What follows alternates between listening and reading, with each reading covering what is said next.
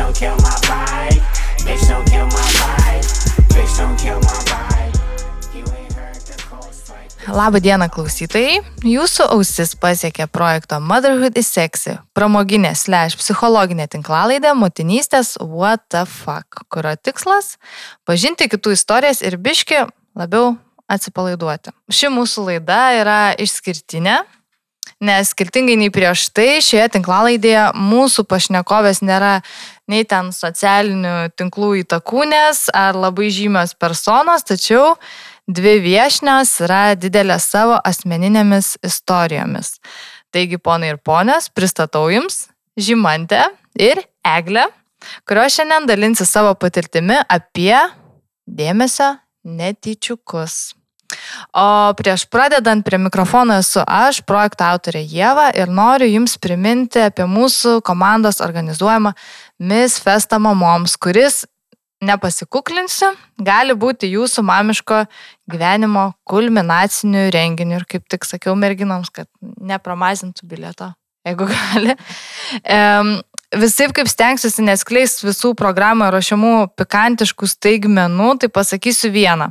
Jeigu nori vieną dieną nusirauti, nusiresetinti, susiras gyvenimo draugų ir pasijusti Motherhood Sexy Hebros dalimi, tiesiog tu privalai atvykti, nes bilietai tirpsta kaip šokoladas toddleriui tarp dantų. Tai va, nepražiopsokit savo šanso, visą informaciją ir nuodėmingą video rasite www.motherhoodysexy.com. Tai va, atrodo viską susakiau, o dabar trumpai apie mūsų pašnekovės. Taigi pirmoji žymantė, nors nežinau, kaip kilčio tavo vardą. Žymantė, žymantė arba žyma tiesiog. Tiesiog žyma, e, kuri atsintė laišką ir jame pasakė vieną labai užkabinusią mane frazę galiu papizdėlint. Taip, žyma atsirado čia. Uh, ji baigia politikos mokslus, bet dirba IT sferoje ir kvaršina programuotojams galvas. E, yra judraus berniuko mama. Nuo šio pavasario Sisters for Sisters komandos dalis prisidėjusi prie websito sukūrimo ir administravimo. Taip pat prisideda prie renginių ukrainietėms organizavimo. Taip. Kurį laiką buvo jaunoji maltietė, savanoriavo su jaunimu Sakaltvelė klausosi metalo ir roko nuo paauglystės. Vaikai kiemą pravardžiuodavo fermerę bei Buffy vampyrų žudikę. Nice. Kai netingi rašo apžvalgas ir naujienas apie sunkę sceną portale manomuzika.lt. Tai tu tokia biški širdį pankė metalistė. Ne? Taip, jeigu jūs matote, aš esu su Black Sabbath marškinėliais, tai tą progą nice. pasipašiau. O variai į Devilstone? Esu buvusi seniau, kol dar neturėjau vaiko, kelis mhm. kartus šiemet nebuvau. Okay. Taip, geras festivalis tikrai verta. Nu, va, aš taip pagalvojau, kad tau tinka jisai, ne? Ja. taip, o dabar apie eglę. Ir dar norėčiau įsiterpti, kad mūsų pašnekovės yra žiauriai skirtingos, kas man yra labai fainai. E, labai bus įdomu jas pašnekinti. Ir Eglė tuo tarpu yra architektė, su draugėmis įkūrusi savo architektūros biurą švenčianėlėse pavadinimu Šilta Šiaurė. Dirbdama ten ėmė kreipti lietuvišką architektūrą tvarumo link. Įvedė 6 valandų darbo dieną ir sugalvojo išleisti visą ofiso mėnesio atostogų kas vasarą, ko pasiekoje dvi iš trijų įkūrėjų per tas atostogas pastojo. Sveikinimai kolektyvui. E, Eglė juokauja, kad švenčianėlėse reikia atsargiai norėti, nes pildosi. Tai atsimena panorėjusi būti savo vyro ūkio ledį, surferė, miškų raiderė ir tada jos jogos mokytojas pakvietė, kabutėse, padraskyt keturačių po mišką ir paprašė, kad privirtų kitai žiemai ogienių iš jos sodo. Surfinti eglė jau surfino su aitvaru, bet teko nustot, nes pilve buvo vaikas o už vestuvių pinigus pirks traktorių. Jau išsirinkot kokią? Beveik. Džandyrą? E, ne, e, japonišką šibaurą ar ten kažkokį tokį. Wow. Kubotą, kokie ten dar yra. Aš pagal grožį žiūriu. Supratau. Tai ką, varom tada prie jūsų tardymo. Ir norėčiau, kad kiekviena trumpai papasakotumėt savo netičiukų istorijas. What the fuck has happened? Tai gal pradėsim nuo žymantės. Gerai, papasakos. Prisiduok. Bet tai bus labai neromantiška istorija iš tikrųjų, nes sužinojau apie tai, kad laukiausi pačiu keiščiausiu būdu turbūt. Buvo 2020 m. kovas, beveik kovo vidurys. Nu tai čia pa- pagalvokit apie šitą laikotarpį, nes aš apie jį sakau ne šiaip sau. Nu, tai čia karantinas. Dar nebuvo karantino. Dar nebuvo? Ne, ne, tai va. Man kažkaip pradėjo skaudėti pilvą, pilvo apačią ir aš truputėlį sunerimau, nes man paauglystėje yra buvusios hormoninės cistos. Ir aš truputį peršikau, nes galvojau, gal vėl atsikartojo. Tai nus, nu, nusprendžiau, kad reikia pasitikrinti. Ir aš nuvažiavau į privačią kliniką, vieną tokią Vilniui. Man galvojau, pasižiūrėsiu, kas čia man atsitiko. Ir tada aš atsiguliau ant tos lėktuvo kėdės. Na, visos mes žinom, kas tam per kėdė. Ir gydytoja pradėjo echoskopu žiūrėti, kas man atsitiko. Ir sako, ar tu nenori dvinukų? Ir man tada buvo, what? Kas atsitiko? Ir tada pasakė, kad mato neštumą ir kažkokį darinį deš, dešiniajam kiaušintakį. Ir, ir tada, tada man atrodo, kad man, nežinau, pradėjo slyst kojas iš pažemį. Ir sako, gal čia, čia tau gali būti negimtinis neštumas. Ir Mhm. aš tada nežinojau, ką daryti. Ir išrašė man tą gydytoją sintimą į Antakalnio ligoninę, o aš tuo tarpu parašiau savo vyrui žinutę. Nu, jis dar nebuvo mano vyras, jis buvo mano vaikinas tuo metu, mes dar net ne metų nekartų nebuvom iš tikrųjų. Mhm. Parašau, atvažiuok, pasimk mane, aš laukiuos. Atrašė greit ar... Atrašė iš karto, iš karto pamačiau tris tas taškelius ir rašo, okei, okay, o kodėl? Nu, nes man reikia važiuoti ligoninę, įtarė negimtinį neštumą. Tai žodžiu, aš vairuoti nebegalėjau, nes buvo man panika kažkokia. Ir nuvežė mane į tą priimamąjį. Ir tada uh, apžiūrėjo tą gydytoją būdinti ir pasakė, kad man viskas yra gerai. Mato penkių savaičių neštumiuką, Mhm. O tam kiaušintakyje yra geltonkūnis, kas yra visiškai normalus dalykas ir man nieko blogo nėra. Bet aš buvau tokiai lengvoji isterijoje ir nepatikėjau aš tą gydytoją, tai jinai iškvietė trečią gydytoją ir mane trečią kartą per tą pačią dieną ant lėktuvo su vaginaliniu echoskopu, su prezervatyvu apžiūrėjo ir patikino, kad viskas gerai. Man, aš tiesiog laukiuosi paprasčiausiai ir ten nieko blogo nėra. O skauda man pilvą dėl to, kad paprasčiausiai plečiasi gimdos raiščiai. Wow, tu net pasakoji ir aš būnu iš naujas, tai kad iš čia kalba. Nu va, bet neturėjau progos nei supakuoti neštumo testo, nieko tokio, tiesiog viskas buvo 1, 2, 3 ir pys, žinau. Ir žinai, Ja. o kaip pas tave, Eglė? Aš tai buvau įsitikinus, kad aš nesilaukiu, nes ta prasme čia PMS, aš tikrai žinau, nes e, prasidėjo toks labai irzlumas ir vyras ten, kaip mane ten ar už rankos paima ar kažką, irgi tada jis dar nebuvo mano vyras, mes buvom pusmetį kartu, mes buvom išvarę kaituot ir aš tokia irzli ir e, kažkaip bijau varyti bangas. Seniau man nebuvo niekada tokios baimės, aš ten varydavau kuo toliausiai, ten su bernais kaituoti didžiausias bangas. Ir kažkokia sau, toks savisauga atsirado ir jisai sako man, e, tu gal užneštėjai? Sakau, tikrai ne, nu nejuokauk, nėra taip paprasta vaikų prisidaryti, čia, nu, ta prasme, visokių istorijų, kaip sunku, žinai, susilaukti, aš prisiklausius. Ir mes grįžinėjom iš tos kaitavimo kelionės savo. Bet tu dar Eglė pridurk kur- apie savo gyvenimo būdą, kaip tu gyvenai tuo metu, kas irgi visai įdomus toks kontekstas. Tai aš tuo metu buvau labai užsikepus e, kaituoti, nusipirkau kemperį, pasistačiau prie jūros ir galvojau viskas, aš ten tiesiog sėdėsiu su laptopu ir dirbsiu ten tą savo architektūrą. E, e, Buvau nusipirkus bilietą į Cape Towną važiuoti, irgi ten, nu, žodžiu, kaitavimas, e, kaituosiu arba mirsiu. Mhm. labai labai man, man atrodo, man šita, šita patirtis e, padėjo pagimdyti šiaip tas visas adrenalinas, šiaip aš buvau, man atrodo, netgi truputį priklausoma nuo adrenalino, nes aš važiuodavau prie jūros, kai tik pučia vėjas, aš varau, viskas. Ir tokia net, žinai, toks kala jau, adrenaliną jaučiu. E, Ai, nu tai va, ir mes grįžinėjom namo, aš gyvenu beje kitam Lietuvos gale negu pajūris, tai tikrai labai norėjau kaituoti, nes važiuodavau kiekvieną kartą su savo subariku, kuris ryja 15 e, iki jūros. E, ir sakau, nu gerai, sustojom mėgoj, aš pasidarysiu tą testą ir parodysiu tau, kad aš tikrai neneščia, žinai, kad būtų ramu. Parodai. Ir atsimenu, sėdžiu. E, Tai va tas ir su antrą, nu, žodžiu, e, sėdžiu tūlikė megos. Ir žiūri į tas dvi juostelės, nu ryškios dvi juostelės. Mm. Ir galvoju, žinai, kai būna smegenys užstringa ir tu skaitai kažką, bet netai perskaitai. Gali tą patį žodį skaityti ir vis netai perskaityti. Ir aš ant pakelio parašyta. Dvi teigiamas, viena neigiamas. Ir aš galvoju, nu čia tas momentas, aš turbūt netai perskaitau iš to streso. Mm. ir paskui taip lietai nusileidžia, kad tikrai tai perskaitau ir taip noriu tiesiog sėdėti forever tam tulikė. Mhm. Ir žinau, kad Liudvikas laukia, e, tam, žinai, yra toks ilgas koridorius tuliko įėjimo, megoj ir ten galiaisi kažkur stovi.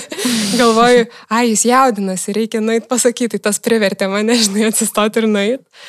E, bet e, va, tas susitikimas su juo atsimenu iš to koridoriaus galo, aš jau turbūt jis mato, kad jau taip, Jisai tai labai norėjo vaikų, nu, jis tiesiog jau santykių pradžioje buvo pasiruošęs, kad čia rimtai arba nieko, žinai. Mhm. Ir tai jo rimtai reiškia vaikai šeima.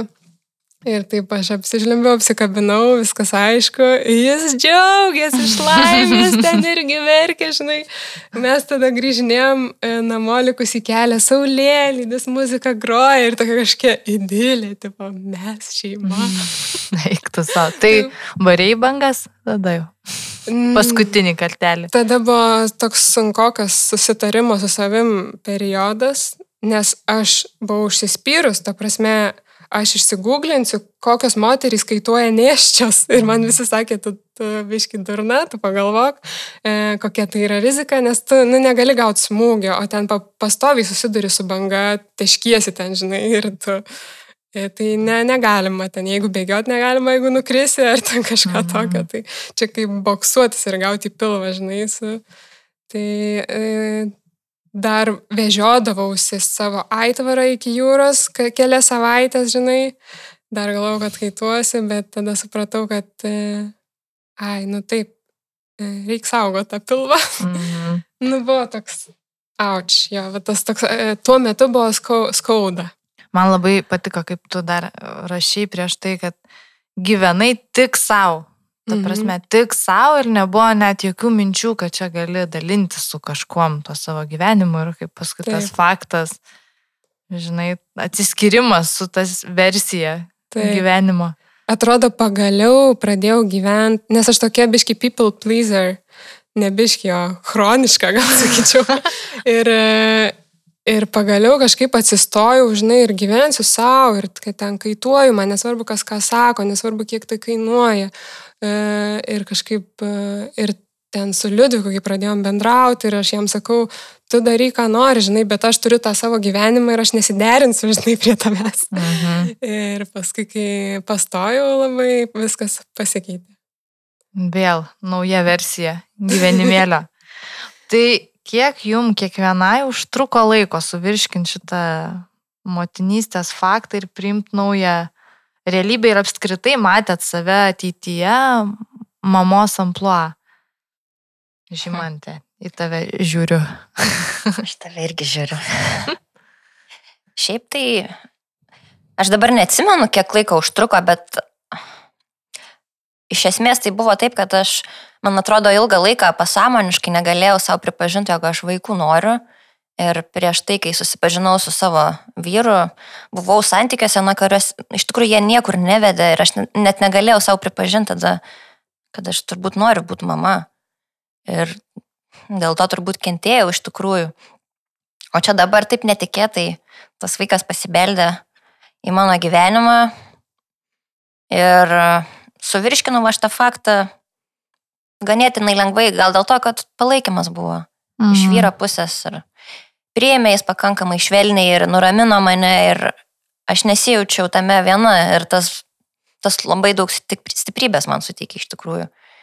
Ir, nu jo, buvo tas toks momentas, kaip ir tu eglė minėjai, kad gyvenau tik savo, aš irgi gyvenau tik savo ir buvau tokia hedonistė ir man rūpėjo tik tais malonumai realiai ir šiaip um, galvojau tik apie save. O dabar va, atsirado kažkas, apie ką reikia dar papildomai galvoti, saugot save. Tai jo, nebuvo taip, kad per naktį prisitaikiau prie to, bet irgi nereikėjo labai ilgai su tuo susigyventi. Tik tais po to, kai pagimdžiau vaiką, kažkaip mano ta iliuzija truputį subliuško, nes pamačiau, kaip tai yra sunku. Oi, tai jo, jinai. Dažniausiai. O kaip tu, Eglė, ta prasme, greit, nu, tą, sakė, aitvarą vežiojasi dar kurį Taip. laiką. Aš iš tikrųjų, ta, e, kad pilve, pilve yra vaikelis, man iš karto buvo taip, kaip faina ir e, kad čia nuostabu ir aš e, galvau, kad aš kažkada būsiu mama, bet galvau, aš nesupratau, kad man toj 30, žinai, ir kad čia tas kažkada tai nelabai gali ilgai užsitęsti, bet tiesiog galvau, kad tai yra taip toli, aš dar nespėjau, žinai, čia dar tik prasideda ten, kai, gyvenimas yra kaifas, kažkas tokio. Ir kol buvau neščia, su savim dar kelis mėnesius, nu gal vieną trimestrą dėrėjausi. Aš buvau tokių, įsivaizdavau, kad, nu, jolo čia e, pasigimdai ir eini kaituot. Aš klausinėjau kitų kaituojančių moterų, kad ten kiek mėnesių praėjo, kada tu jau vėl lipai į vandenį. Nu, aš taip įsivaizdavau, kad nieks nepasikeis. E, Jo, aš galėsiu toliau, va, čia yra autentiška aš ir aš nepasikeisiu. E, ir tas požiūris e, pamažu transformavosi jau į vėlesnius trimestrus, o kai gimė vaikas, tiesiog apsivertė aukštinkom. Jo, nes vad, kai kol tu dar laukėsi, ir ypač pirmo vaiko, kai laukėsi, o tu ten fantazijose, ten tas nestingas prasideda, ten spalvytės derinė. O, o paskui su kitu neštumu jau tu žinai, what the fuck is going on. Nežinai, dar, da, da, da, nu dar ta prasme, kaip apsikeis, bet um, e, Bet aš kai sakiau, kad jūs esat labai skirtingos ir vienas iš tų skirtumų, kas yra labai įdomus, gal galit savo neštumą, ne neštumą, o gimdymo istorijas taip truputėlį apšviest, kad tą skirtumą klausytojai irgi pajustų tarp jūsų. Mano gimdymo istorija pakankamai paprasta, mano gimdymas nebuvo nei komplikuotas, nei sudėtingas. Ir man pasisekė, nes vyras galėjo dalyvauti, nors buvo karantinas ir aš isterikavau ten, nežinau, porą mėnesių iki savo gimdymo ir kiekvieną dieną eidavau forumiukus ir žiūrėdavau, kaip ten antakalnio gimdymo namuose, ar vis dar įleidžia vyrus ar ne, Mhm. kankinausi. Ir be reikalo, nes jį įleido, jisai buvo šalia manęs visą laiką. Gavau aš tą epiduriuką savo gulėjau. Aišku, laikas prailgo, bet pagimdžiau pakankamai normaliai. Sakė, labai ir nereikiau baisiai. nu ir ką. Iš pradžių tai net nesupratau, kas su manim atsitiko. Uh, atsirado tas vaikas ir aš tokia truputį, what the fuck, kas čia dabar dedas, deda man jį prie papo, aš nežinau, ką su juo daryti. Ir uh, labai džiaugiuosi, kad buvau ne viena, nes jis man padėjo ir pampersus keisti ir viską. Tai be jo man būtų buvę labai sunku, jis man ir į dušą padėjo nueiti, ir prausė mane, nu žodžiu, pasisekė man šitoje vietoje. Tai. Nu nežinau, kažkokių siaubingų prisiminimų apie savo gimdymą neturiu, tai negaliu tokių pikantiškų detalių čia jums pateikti. Ne, tai žinai, dirbtinai mes jų neištrauks. Ne. O. Eglė, kiek žinau, gimdė, tu gimdėjai namuose. Mhm. Wow. E, Man e, visą laiką šmėžavo ta idėja, bet aš neradau konkrečių kontaktų ar pribuvėję, man atrodo, buvo sunku susirasti ar ką. Ir labai dėkoju savo draugiai, pažįstamai Sigitai, jinai man davė knygą, e, yra tokia žymi e, pribuvėja Aina May, amerikietė jinai yra. Ir yra jos keletas knygų ir yra viena Spiritual Midwifery, o kita yra Guide to Childbirth. Ir aš ją skaičiau ir ten yra istorijos tiesiog moterų e, gimdymo, ten tokioj bendruomeniai, kur natūraliai vien gimdo.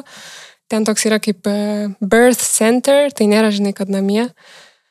Ir aš tada viskas e, pradėjau ieškoti pribuvėjos, e, nenorėti į ligoninę, baisu į ligoninę iš tikrųjų, aš kadangi noriu visiems įtikti, man daktarai sakys tą, na, aš sakysiu gerai, leiskit man, nu, o aš iš tikrųjų nenorėjau nieko, kad man padėtų daktarai nieko, kad darytų, nenorėjau iš viso, kad aplink žmonių būtų, žinai, nulysti kampą ir pagimdyti. Tai taip ir padariau. ir e, nulindau, aš galvodavau, žiūrėdavau visokius Instagramo video, kodėl galvoju, moterys namie gimdo tūlikį ant grindų arba tarp durį. ir tada, kai gimdžiau, supratau, nes tiesiog negali, ne, paskui jau nebėra jėgų žingsnį padėti lieki ten prie to tūliko ant žemės ir pasigimdai. E, Tai mes buvom dviesi su vyru. E, Pribuvė atvažiavo jau po visko, e, kem minučių gal. Eik tu savo. Tai praktiškai tavo vyras, galima sakyti. Jis priėmė. Eik tu savo kosmą. Ir, nu, mes iš tikrųjų buvom pasiruošę. Kuo daugiau perskaitai informacijos, mane pribuvėja paruošė, tai yra procesas. Ir tada supranti, kad e, man patinka, aš vieną podcastą klausau, Birthing Instincts, man atrodo, vadinasi, ir pra, e, intro, jie sako, e, ai ne, kitas, Indie Birth. Ir sako, e, niekas čia, ką mes šnekam, nėra medical advice, nes e, gimdymas nėra medical event. tai yra tiesiog fiziologinis, nesterilus įvykis. Ir taip va. Mhm. Ir aš į antrą, nu, ta prasme, aš noriu daugiau vaikų, tai viską, ta prasme, taip ir darysiu ir toliau. Okay. O tu turi planą B, jeigu kažkas būtų ne taip? E, taip, e, galiu nuraminti, jeigu kas e, flirtuoja su šitą idėją, tarkim, klauso ir laukėsi, žinai, tai nuvažiuoti ligo, iki ligoninės, šiaip net yra taisyklė tokia, kad nu, nedaugiau pusvalandžio turėtų būti, kad tu gali nuvažiuoti. Tai kartais tu ligoniniai, būdama operacinės, gali laukti tiek laiko. Mhm. Ir jeigu gilinantis jau šitą temą, tai tiesiog namuose pagal statistiką neatsitinka ta intervencijų karuselė vadinama, nes e, visų pirma, tau neišsiskiria tiek adrenalino namie, nes tu esi savo saugioje aplinkoje, pakeitus aplinką, net įsėdus į automobilį. Nu, čia priklauso nuo moters. E, kai kam yra saugu labai mašinui, kai kam yra saugu ligoniniai, kai kam mhm. labai baisu namie. Tai man buvo saugiausia aplinka namie, tai ten man mažiausiai išsiskiria adrenalino. Mhm. Ir aš tada visi tie procesai, jie daug lengviau vyksta, daug mažiau gali atsitikti visokių ten klaidelių ar e, ekstra atvejų. Aš tik e, manau, kad, žinai, nu, bendrai man tokia statistika, stereotipiškai labai daugam yra šokiruojantis faktas, nu, vat, pagimdyti namie. Mhm. E, nors aš pati ligoniniai gimdžiau su visais įmanomais vaistukais ir skatinamukais, bet e, dėl to, kad diabetą turėjau, bet e, mano labai artimoje aplinkoje yra moteris, kuri turi penkis vaikus. Ir man atrodo, tris iš jų, na, mėgimdė. Mhm. mhm. Tai man, nu, man, ta prasme, man nebuvo kažkas naujo, man visą laiką, žinai, viena mintis yra e, ta drąsa ir tas intuityvumas, kuris galbūt ligoniniai, jisai, nu, tu vis tiek atsiduodi medikų rankas. Taip. Nu, pavyzdžiui, aš jaučiuosi ligoniniai žymiai saugiau. Aš mhm. žinau, kad mhm. jie ten viską žino, aš nežinau nieko galbūt nėra to intuityvaus pajutimo, žinai, ten ta visa, bet man, to užteko, ta prasme.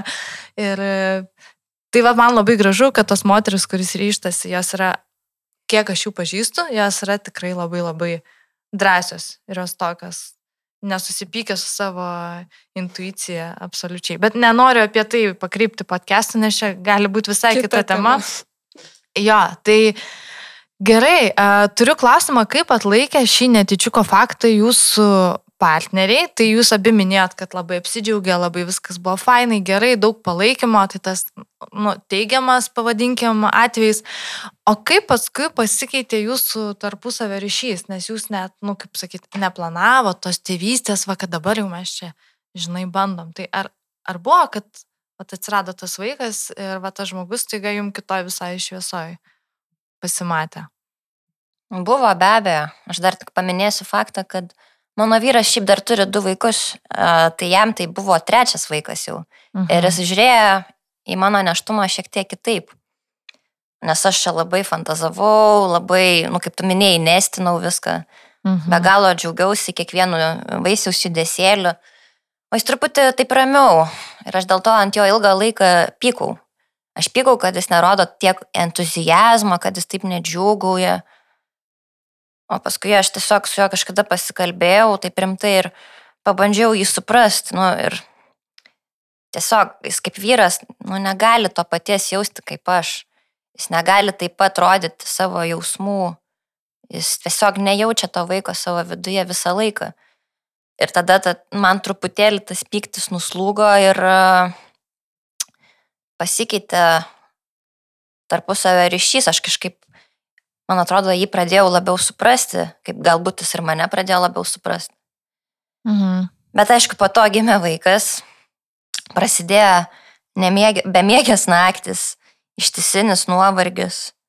Ir, a, nu, tikrai, aš pradėjau suprasti, ką reiškia norėti perkasti kitam žmogui gerklį. Mhm. Ir aš tu kaip metalo gerbėja galėjai iš video klipų Tai ir žinok, prisižiūrėti. buvo, kad aš ten riaumojau galvą krečiau, jo, headbanginau ir rėkiau ant jo ir visą kitą, nu jo, nu. Reikia- Pažadino manį ten tokią baisę, baisę jėgą, tas pyktis iš tikrųjų. Mhm. Nekvietė kaimynai TV3 pagalbos. ar 24 valandų. Nežinau, bet galbūt norėjo tą padaryti. Mm.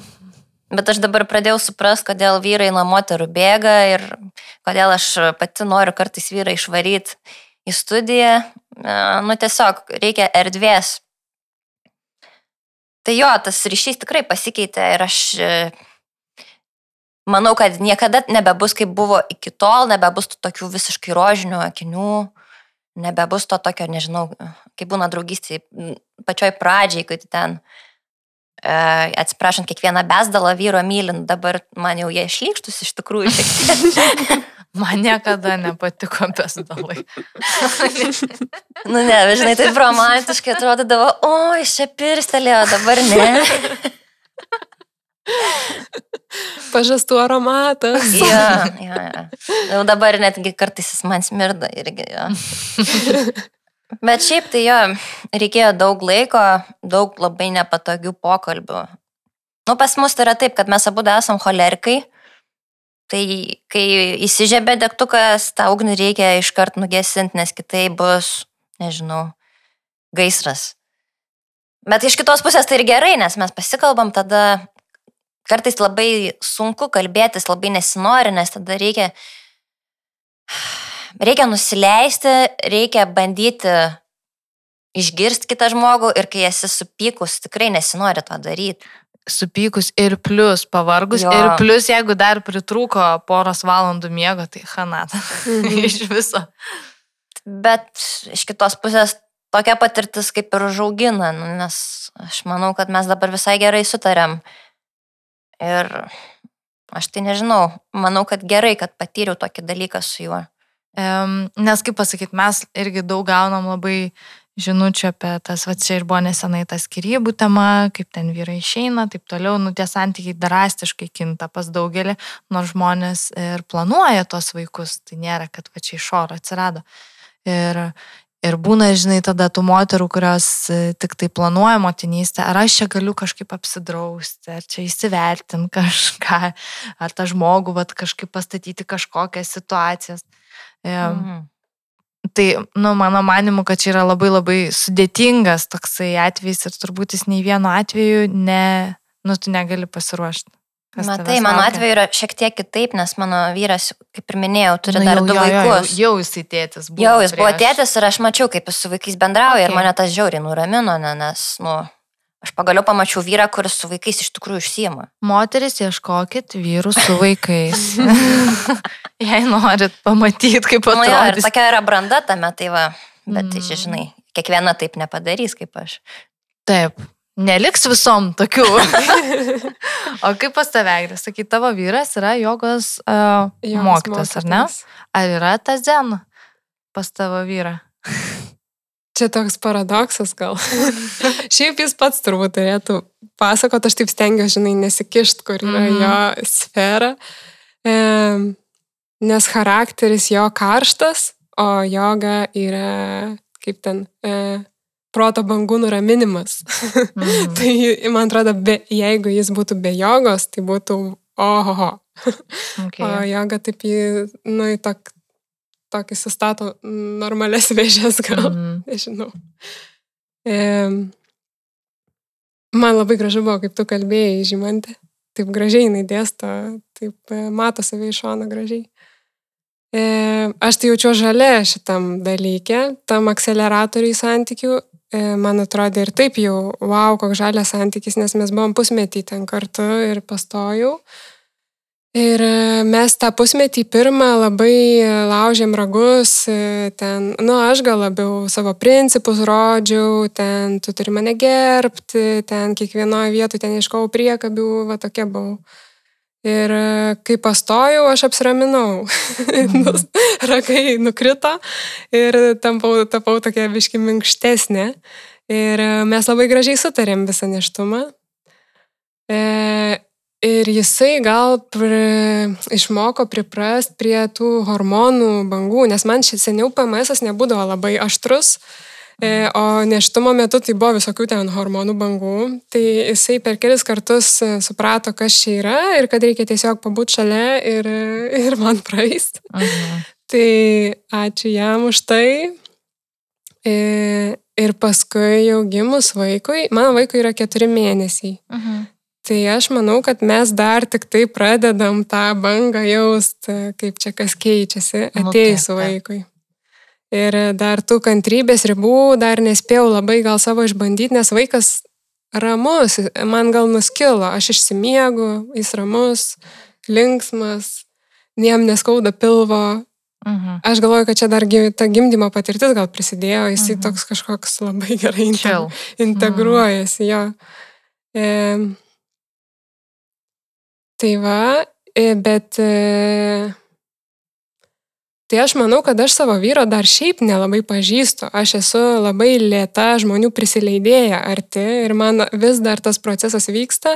Aš jį stengiuosi gerbti kaip atskirą procesą nuo viso šito motinystės ir šeimos dalyko. Aš dar šiaip jį kaip vieną žmogų turiu pažinti. E, tai ir jo labai gerai parodo daugiau žmogaus pusių tas nuovargis. O man atrodo, kad jam labiau kerta nuovargis negu man. Mhm. E, gal man kokie hormonai veikia, aš nesuprantu, Mhm. nes vyras tikrai atrodo labiau e, išsekęs. Bet žinai, kaip tu sakai, kad turi su motinystė naują santykį ir turi dar su vyru, nu, vat, pažinimo tas.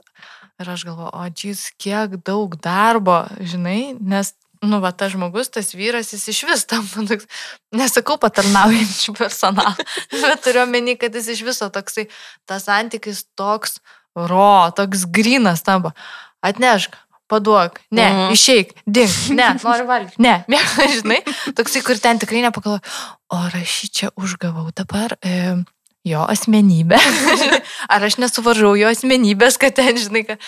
Tai aš galvoju, kad, nu, vat, labai... Kaip keista. Nu, vat, labai sudėtinga, žinai, atrodo, vat, kaip tu sakai, pažinimo pradžia, jeigu tu dar vis stengiasi pažinti vyrą kaip asmenį, kas yra labai fainai iš tavo pusės, kad tu tą, nu, vis tiek stengiasi daryti, žinai, netampa viskas taip būtis, būtis, būtis.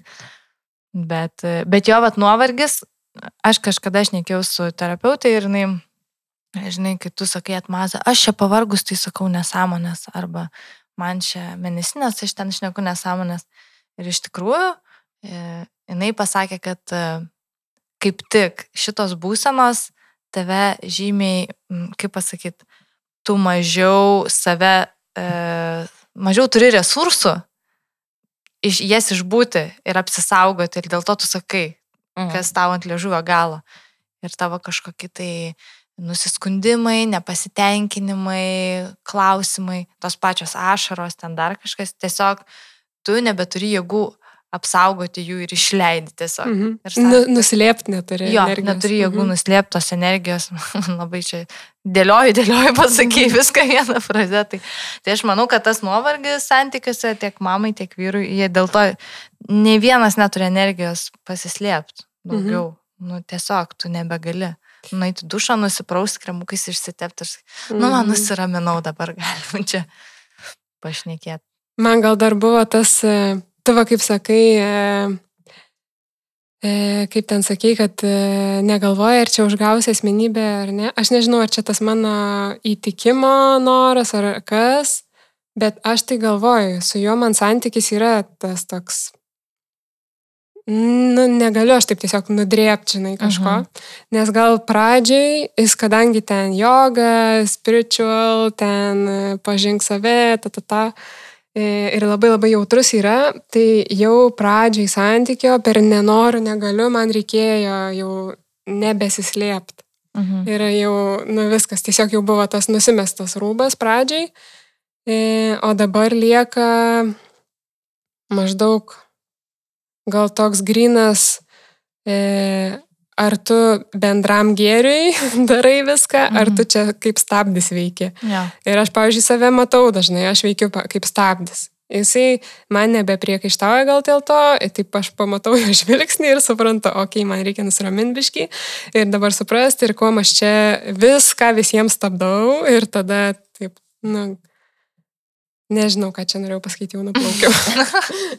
Žodžiu. Ok, nu, šiaip tai labai įdomu klausyti jūsų abiejų, net sakau, ant tiek skirtingos istorijos. Taip fainai pasakat. E, dabar aš galvoju šiaip, va, toks klausimas, ar būna dienų, nu va, kad ir dabar jūs turite tos vaikučius, ten viskas fainai, vis dėlto laimingos, bet ar būna vis dėlto dienų, kai galvot, va, nebūtų vaiko, gulėčiau savo papalmę, gerčiau savo margaritą, blecha reikėjo visgi tą preziką naudot. Ar, nu, ar būna tokių mintelių, prisipažinkit. Aš manau, kad visom būna, tik kai kurios nepasako to garsiai arba meluoja. Tai man irgi būna tokių minčių, tik tais tie, kad aš ir dabar jau galiu tų margaritų išgerti ir sėkmingai tą darau kartais. Tai tik ne po palmę, o Vilniui dažniausiai. Po gėlytę kokią. Pagėdėti. Jo. Turiu šitą pinigų augalą namuose, tai po juo galiu. Bet čia, žinai, apskritai, ar buvo tokių, nu, vad kaip ir sakai, tų dienų buvo, kai galvojai, kad geriau man būtų buvę čia dabar be vaiko, bet turbūt jų būna ir kai ne netičiukas, nu, žinai, planuoji, planuoji ir tada, lema, ką man čia reikėjo. Ne pagal planą viskas. Ne pagal planą. jo. Planavau taip, o dabar taip. O tau, Eglė, yra šitas, nu, Jo, ypač pradžioj, gal dabar biškiai primsta, aš nežinau, kas bus, kai vaikas pradės būti dar judresnis ir ten gal pasikeis kažkaip raida ir jis pradėsiu tada, aš jau pavargtų labai. Bet e, pradžiai irgi dar buvo tų dėrybų su savim, kaip man savęs gaila, aš neturiu pasirinkimo, vyras tai turi pasirinkimą, žinai, gali Mhm. išeiti ir kažką paveikti, o aš tai turiu 24-7, žinai, Mhm. būti. E, Tai va tokio būna savęs, gailesčio, ašarų kažkokių ir apsivemsiu, kaip čia viskas neteisybė. mhm.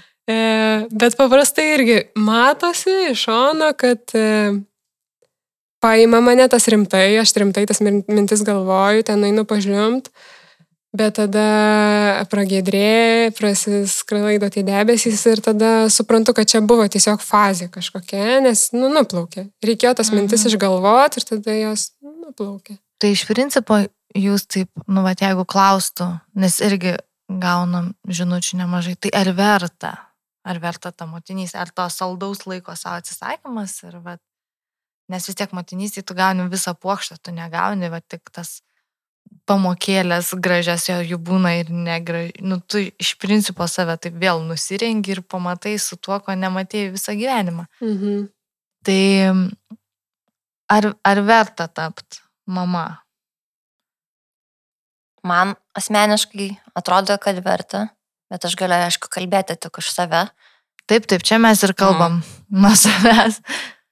Taip, tai verta ir e, nors ir gauni, nusilupa į rodą ir atrodo gimsti iš naujo ir būna daug sunkių akimirkų. Man tai asmeniškai vis tiek ta meilė vaikui atperka. Aišku, aš ją irgi ne iš karto taip pajutau, jinai mane gal užaugo per kelis mėnesius po to, kai pagimdžiau, bet, nu, tas jausmas, nu, man asmeniškai niekas kitas tokio jausmo gyvenime nėra suteikęs kaip vaikas. Mhm. Tai žodžiu, mileniausus paskatintum turėtų. Jo, nes tai labai, gal pagaliau išeis iš tėvų namų 30. mhm. O tu eglė irgi suprantu, kad. Šiaip labai sunku pasakyti, ar verta, žinai. Mhm. Aš šiaip dabar skaitau tokią knygą, to School of Life. Um, Kurią? Good, good Kurią? Enough Parent. Jo. Okay. Mhm. Ir aš tai jos nepabaigiau, gal ten pabaigoje kažkaip viskas išsiriša, bet ten pradžiai, įžangoje, tai maždaug millennialsam patarė labai pasvarstyti, kam turėti vaikų, žinai. Ir Taip. tipo, jeigu tu, esi, jeigu tu įsivertini save pagal tam tikrus ten kriterijus, kad tu užauginsi gerų vaikų, pagal jų ten supratimą, nu, netraumuotų ar kokių ten, tai taip jie sako, žinai, maždaug tu pagalvok, ar čia visiems verta, kad atseit yra išrinktieji. Ir tiesą pasakius, žinok, labai nemažai žmonių nusprendžia neturėti sąmoningų Taip. vaikų dėl skirtingų uh, priežasčių, ar dėl darbinių, ar dėl asmeninių, ar dėl netgi viso tvarumo ir kad šiaip yra per daug žmonių pasaulyje. Bet man irgi, žinai, dabar aš taip galvoju, gal ir gerai, kad žmonės apsisprendžia, nes iš tikrųjų reikia labai, labai tokių tam tikrų savybių charakterio, kad tu išbūtum su tuo vaiku, kad tu jį užaugintum. Ir e, čia nėra taip, kad vienas, du ir kažkaip bus, kažkaip paės. Tai man visai Mhm. patinka ta atsakomybė, kurią žmonės auginasi po truputį. Tai visai sudominai ta knyga. O šiaip iš visų gyvenimo netikėtumų, kuriuos turėjot, ar, ar vaikas, va šitas netičiukas yra stipriausias? Kaip jums atrodo, kaip vertintumėt? Negaliu pasakyti, kad tai buvo didžiausias netikėtumas, nes aš jo, kaip ir sakiau, turbūt pasąmoningai laukiau, tik nenorėjau savo tai pripažinti. Bet kad tai buvo stipru, tai tikrai, nes ko laukiausi, tai aš ten visų tų kursiukų, visokius ten kursiukus lankiau ir domėjausi to gimdymu, žindymu, bla bla bla, bet tai po to, kai prasidėjo tie pirmieji mėnesiai, nu man tai buvo, nežinau, man ten psichologiškai buvo labai sunku. Tai tikrai mane ten iš pamatų sukrėtė tas dalykas. Tai...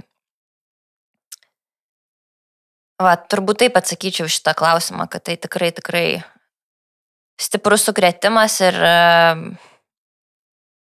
realiai tai man buvo kažkoks kaip ir užgimimas pačiai.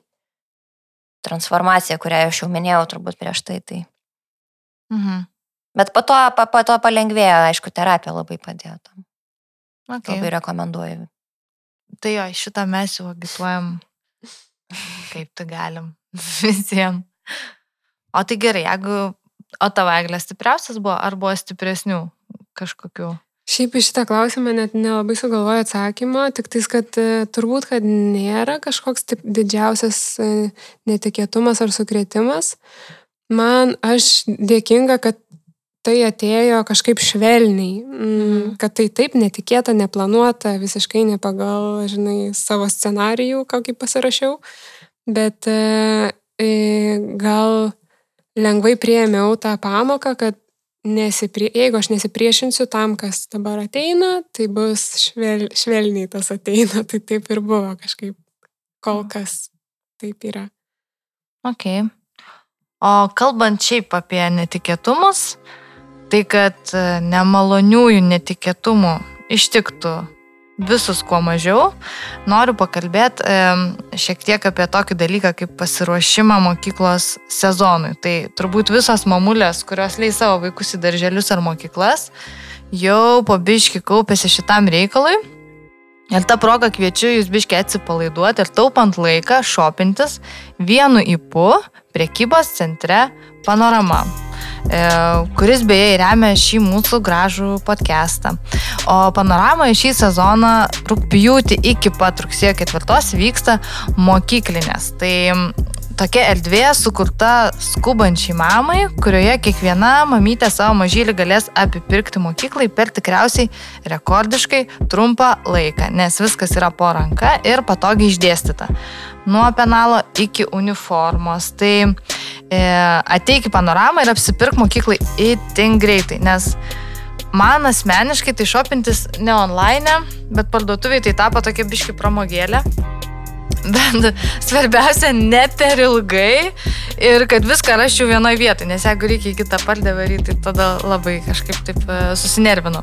Tai panoramos mokyklinė skamba kaip toks kompromisinis variantas, atvariai, šašast, viskas vienoje vietoje. Tai aš į vaikų nesu dar šopinus mokyklai, mano dar labai mažiukai, bet e, šiaip, kai atein, reikia juos paruošti kažkam, va, darželiui, ten gauni tą sąrašą, tai tikrai labai užknisa tas važinėjimas, žiūrinėjimas, nuvažiuoji į vieną vietą, svarbu, kad viskas taip po rankelę. Tai va, o dabar noriu tęsti mūsų temą apie netičiukus. E, kaip manot, ko šiaip reikia moteriai, norint priimti ateinantį netičiuką? Koks buvo jūsų survival kit? Ko, nu, vat, ko jums prireikia? Aš kalbu ne vien ten e, materialinė prasme, bet ir ta psichologinė. Ką patart, vat ateina, tarkim, moteris ir sako, blemba, ką tik megos tūlikę sužinojau. Viduje jos telės, ką man daryti, ką jūs kiekviena galėtumėt patart.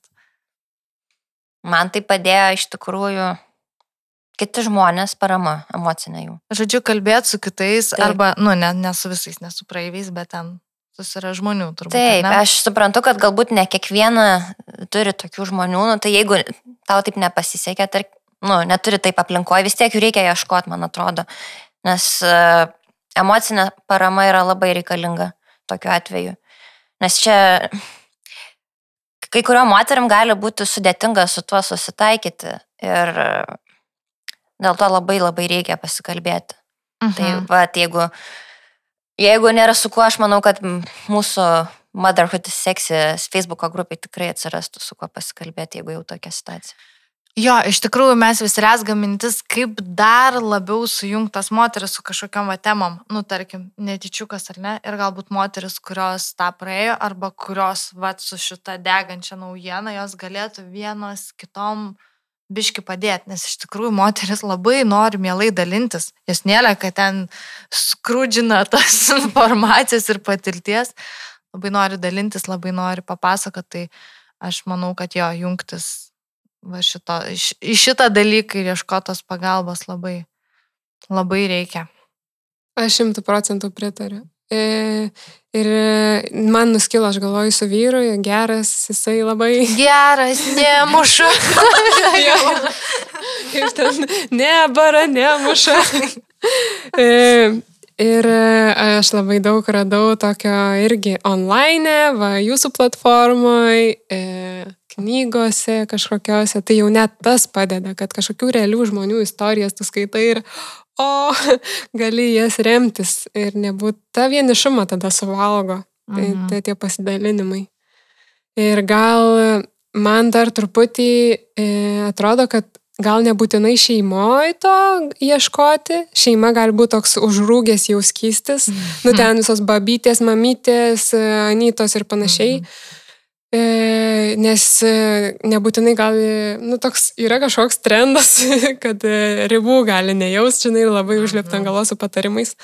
Tai tas toksai savo aš turėjimas arba jo kažkaip puoselėjimas, paremimas ir ieškojimas ir kitur, nu, kas tau artima ir kokio, kokie pasidalinimai tau artimi, nes mamysčių istorijų yra wow, N įvairiausio spektro ir nėra kažkokios vienos taisyklės. Tai kiek mamų, tiek istorijų. Taip. Tiek. Visiškai. Bet em, aš vis va tą girdžiu, čia ne vien mamom, čia eina nuo pat millennialsų trendo puoselė tą aš, vis dėlto jis praverčia labai ir sužinojus tokią naujieną, nu, kad tu tą stuburą vis dėlto, jeigu kiek gali jį stiprintis iki motinystės, tai jis paskui labai matyti tvirtas ir, ir, Ir padeda. tu jį atsiremsi vėliau ir tavo vaikas į jį turės remtis. Taip. Taip, tai vad žinai, e, grįžtant į tą millennialsų temą, aš manau, ir mes čia kalbėjom praeitoj tinklalaidėje apie mūsų amebus visuomenę, e, kad žmonės labai tokie pasidarė jautrus, užgaulus, tokie, nu, vad kaip ir tu sakai, galbūt net plyzeriai žmonių, Mhm. kad iš tikrųjų jiem yra, nu, sudėtinga, nes tu neturi tokio, o aš noriu taip, aš darysiu taip, tu turi tą savo ribas. Tai jo, paskui, mm, jeigu ateina vaikas, tai tau su šitu bus ypatingai sunku, tvarky, nu dar sunkiau tvarkytis. O šiaip, um, vis tiek tai yra, atneša tas vaikas to chaoso, pats faktas atneša chaoso, mes net gal labiau šnekam ne apie vaiką, bet apie tą netikėtumo faktą, kad jis Mhm. ateina. E, kaip, um, nu šiaip klausimas iš šono, kaip priimti šitą visą gyvenimo chaosą? Ir gal net nesu, nu, žinai, nesu netičiuku, bet apskritai bendraja prasme, ar jūs prieš tai mokėjot priimti gyvenimo chaosą? Ir kaip dabar šitas sekasi dalykas. Aš purtau galvą, ne. Išmokti priimti chaosą, tai čia yra menas pats iš savęs, bent jau man.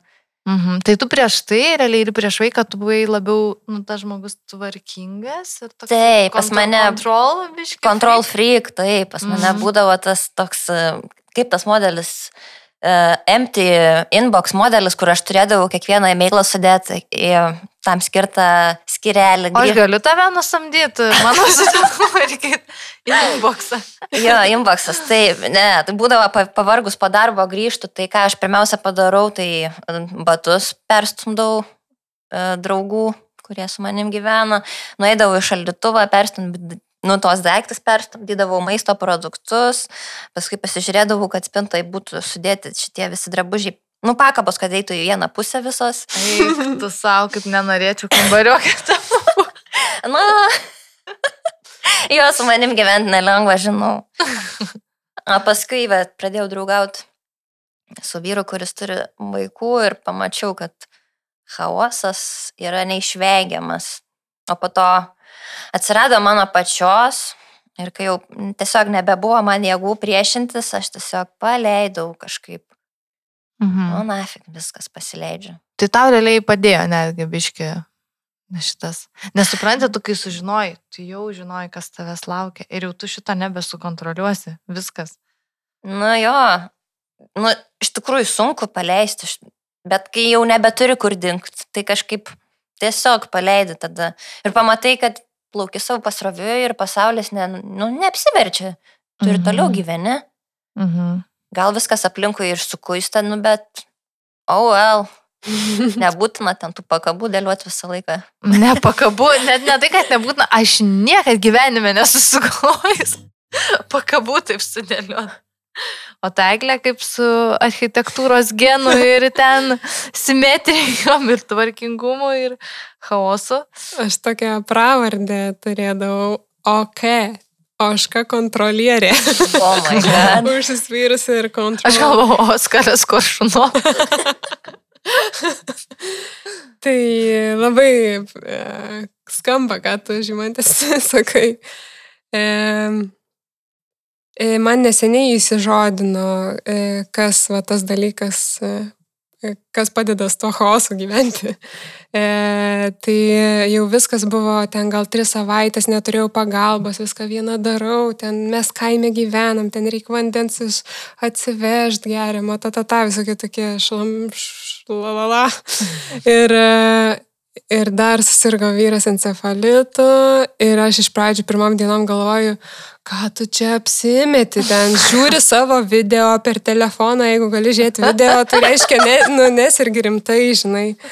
Tai dabar, žinai, galvoju, aha, nereikėjo čia taip galvoti, jau kai pasidarė viskas rimta, e, susipakavom, vežu į Santariškės, ten naktis, jau vaikas seniai turėjo būti lovoj ir va tuo momentu, kur atrodo jau apsivemsiu, ta prasme viskas yra jau over the top. Mhm. Ir taip vairuoju ir galvoju, ir atėjo toksai kažkoks, davai aš nesipriešinu tam. Mhm. Tiesiog nesipriešinu ir tada atėjo toks geras lengvumas.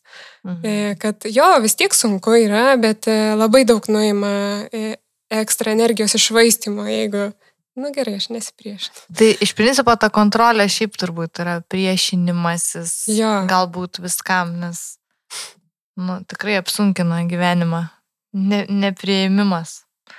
Aš apie tą chaosą tiesiog paklausiau, nes šiaip pat įdomu, kokios asmenybės yra prieš susilaukiant netyčiuko, kaip tas faktas sukrečia ir galvoj chaosas tada pasidaro ir paskui gyveni su to chaosu. Tai labai fainai išgirst, kad jūs abi kažkokią momentą tiesiog paleidot, jau kai trūko plionkė abiem ir, ir supratot, kad viskas.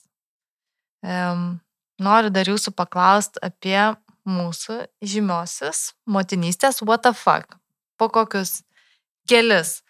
E, klausytojams noriu dar kartą pasakyti, kas yra motinystės what the fuck. Tai yra toks faktas, kurio jūs niekad nesupratot prieš susilaukant vaiko, kai turit vis dar nesuprantat, kodėl taip vyksta. Tai jeigu galit pasidalinkit savo šitais atradimais. Mano vienas iš jų būtų tai, um, kad žmonės žiauriai mėgsta duoti neprašytus patarimus. Mhm. But what the fuck? What the fuck? Kodėl tu? Nes aš ten jau nebegaliu, man ten tų patarimų tiek buvo po to, kai pagimdžiau vaiką ir, ir ypač iš artimųjų, kad jau atrodė irgi, kad noriu vemt, kad e, ne, negaliu net pagalvoti blogą, nu aš net nenoriu jų girdėti, nu nesakykit man, eikit jūs ten, ne, ne, ne, nereikia, nereikia, fu, fu. Ta prasme, dabar galvoju ir man šiurpas ima, kaip man buvo nemalonu. Ir Bet tada iš ko tu labiausiai girdėdavai pat- patarimukus? iš mamos, močiutės, iš Anytos šiek tiek. Savo visas tas istorijas bando pritaikyti man ir labai užknisa, kai savo dalykus bando padaryti. Nors tu sakai, ne, taip, aš neauginu, prašau, nedarykit taip. Nu, man tai atrodo, čia toks biški ribų negerbimas. Tai Mhm. man čia toks... Švelniai tariant. Jo, Mm. atrodo, nu, tikiuosi, kad jeigu aš kada nors būsiu manyta, kad aš taip nesielgsiu. O Dieve, man čia didžiausia baime, kad nebūčiau bjauri. Bet e, kaip Jūs manote, ar vis dėlto žmogus pats turi turėti, nu, nusistatyti ribas, ar tie žmonės, nu, turėtų kažkaip susivokti, nes visą laiką sunku už kitus žmonės, e, kitiems žmonėms nutaikyti lūkesčius, kad tu turėtum čia susilaikyti, tu turėtum nekalbėti. Ir turbūt vis tiek labiausiai reikia savo ribą stiprinti šituo atveju.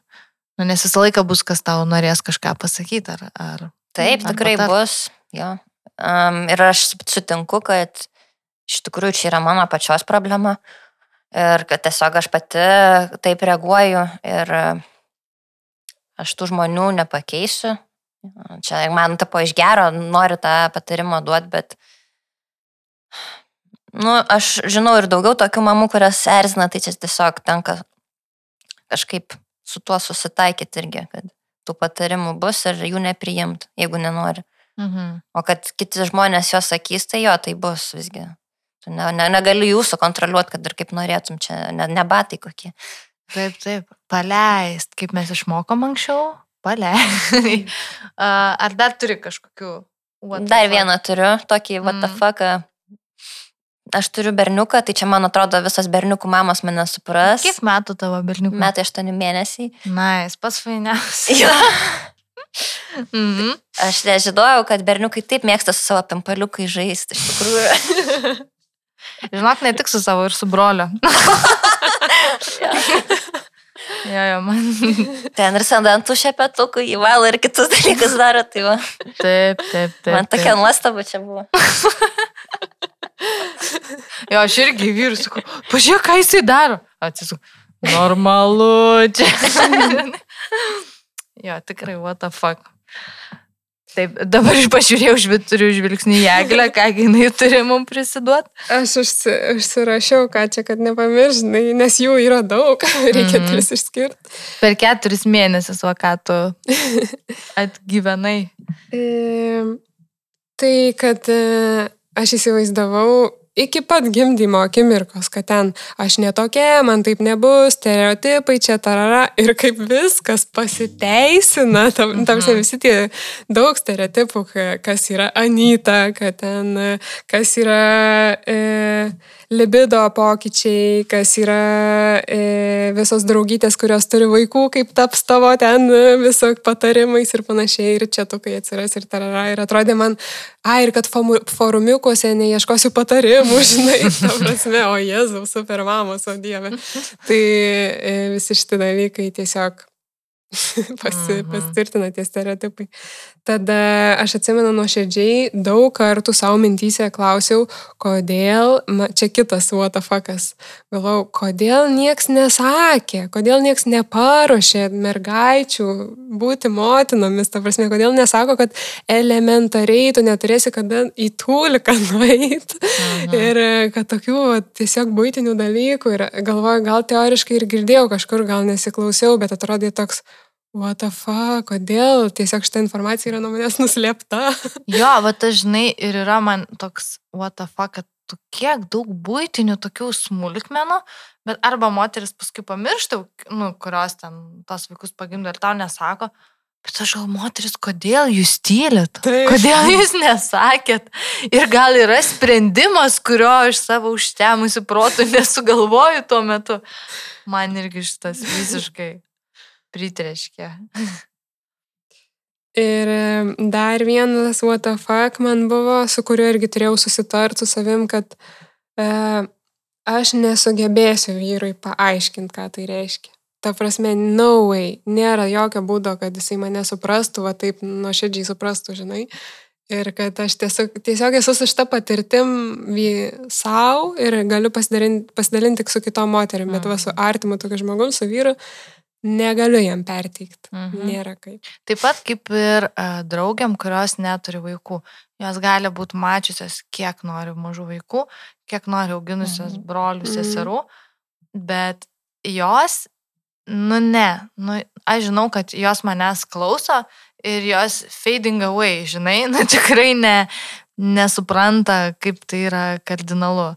Tai vad, jo, aš irgi manau, kad e, geriausiai supranta moteris kita, kuri perleido per save tą lėliuką, tai jinai geriausiai ir žino. Ar turi šiaip ką palinkėti mūsų hebrai, mūsų auditorijai, nuo savęs? Ir ypač dar galit paliesti tą netičiukų temą, nes galbūt kažkas klausosi, ka- kas šitą netikėtumą apturėjo nesenai. Aš tai noriu palinkėti, nekentėti. Labai. Jie motinystė tikrai neturi būti tik kančia ir jeigu visą laiką yra blogai, jeigu visą laiką, visą laiką kažkas ne taip, aš labai prašau moterų ieškoti pagalbos, paramos, su kažkuo kalbėtis ir tiesiog, aš tiesiog supratau per savo šitą patirtį, kad nu, visiškai nėra prasmės kankintis vienai. Tai neturi būti tik ištisinis, vien ištisinė kančia. Tai va. Mhm. Nes, va, žinai, su ta kančia, um, aš vis, man pasakot kažką ir aš užsivedu kažką prisiminus, um, kaip tik vakar paleidau apklausą, ar jūs iš tikrųjų mėgaujatės vaikų Mhm. auginimu, dar vis stebiu rezultatus, man pačiai labai įdomus šitas klausimas buvo. Um, labai daug moterų, galiu pasakyti, koks gal 30 procentų parašė, kad, nu, na. Aš galvau, kad daugiau bus. Aš irgi. Aš ir galvau, bet e, pati pati didžiausia dalis, koks, nu, šiam procentų gal atsakė, kad um, dvi valandas kokias fainai per dieną. Nu, tipo, jeigu dvi. Jeigu kitas ten pažiūrėtų kažkas kitas, aš įsivaizduoju, tu ten gali apsitvarkyti, padirbti, ten dar pas, pats palaiduoti, knygą paskaityti, kažką paveikti. Tada dvi valandas aš galiu būti maksimaliai su vaiku. Galiu būti su juo maksimaliai gera savo versija. Jeigu tai yra daugiau, aš iš, nu, išsenku. Tik labai labai mažytis procentas atrašė, kad jam tai yra malonumas auginti vaiką. Ir, ir va tas kankinimasis, man atrodo, irgi yra užslėpta, nu tokia biški Pandoros skrinė atsiveria, mhm. nes um, tas kaladėlių dėliojimas su vaiku visą dieną, e, man atrodo tas moteris, kurios sako, kad tai yra zaibys, jas meluoja. Aš nežinau. Nu, visą dieną, jeigu tu darai Ne. tik tai baby activities, ir tas vat, prisipažinimas, toksai savęs kalimas prie sienos, kad man ne faina. Aš myliu tą vaiką, aš jam noriu viso ko geriausio. Aš galiu ten su juo kažką galbūt kitokio veikti, kas man smagu. Bet tas pripažinimas, kad man visa tai yra dauguma, aš, nu, aš darau per negaliu, man atrodo, jis irgi yra biškai pakasamas po mūsų dideliu, dideliu kolektyviniu kilimu. Tai, nu, aš pati bandau užtraukti. Tai aš nežinau, kaip jūs jaučiatės. Visiškai realiaitinu. Kad e, yra spau, didelis spaudimas apsimest, kad to fain. Mhm. Visko būna ir tikrai ne visada faina. Bet aš gal nebūsiu labai nepopuliari ir pasakysiu, kad kartais reikia duoti vaikui pabūti vienam, jeigu įmanoma. Užkrauti tais žaislais ir atsitraukti. Ir Jo. dėlioti visą dieną tik kaladėlės, tai, nu tai nekeista, kad taip jaučiasi, jeigu tik tai ir daro. Ta prasme, visiškai visą laiką. Mhm. Bet tas pats, vat, kentėjimas, tarkim, ne, ar nėra, kad ta pati mama jinai slopsta ir ką tada vaikas gauna? Nu, Nieko. tokia išnarėlė. Pavyzdį gauna. Blogą pavyzdį. Pavyzdį jo. Ai, palinkėjimas dar. E, tai mano buvo visiškai tą pačią temą, gal toks užviniojimas ant galo, kad apie šiaip, apie šitą bendruomenę Motherhood Sexy, kad e, jinai taip greit vystosi, kaip vaikas auga ir kad dar spėt kažkiek pasimėgaut e, vat, e, tais etapais, ta raida. Jo. Viskas greit Jo. lėkia. Jo, mūsų tai šita bendruomenė jinai yra visiškai pagauta kaip pridegta subinė. Varo kaip raketa, dėl ko mums labai labai fainai ir norim čia užbaigti savo podcastą. Labai ačiū klausiusiems ir kaip visada lauksime jūsų komentarų, kokias mintis sukėlė ši laida, nes iš tikrųjų visos žinutės mums labai vertingos. Atleiskite, jeigu ne į viską atrašom, ne visas išpažintis įkeliam, e, tiesiog e, būtų fiziškai neįmanoma kartais. E, bet linkim ir toliau dalinti savo istorijomis ir palaikyti vienas vienom kitas, nes mūsų atviras kalbėjimas ir bendrystė, mes manom, yra tai, kas padeda motinystę padaryti labiau seksi. Va. Ir iki kito karto. Iki. Yeah.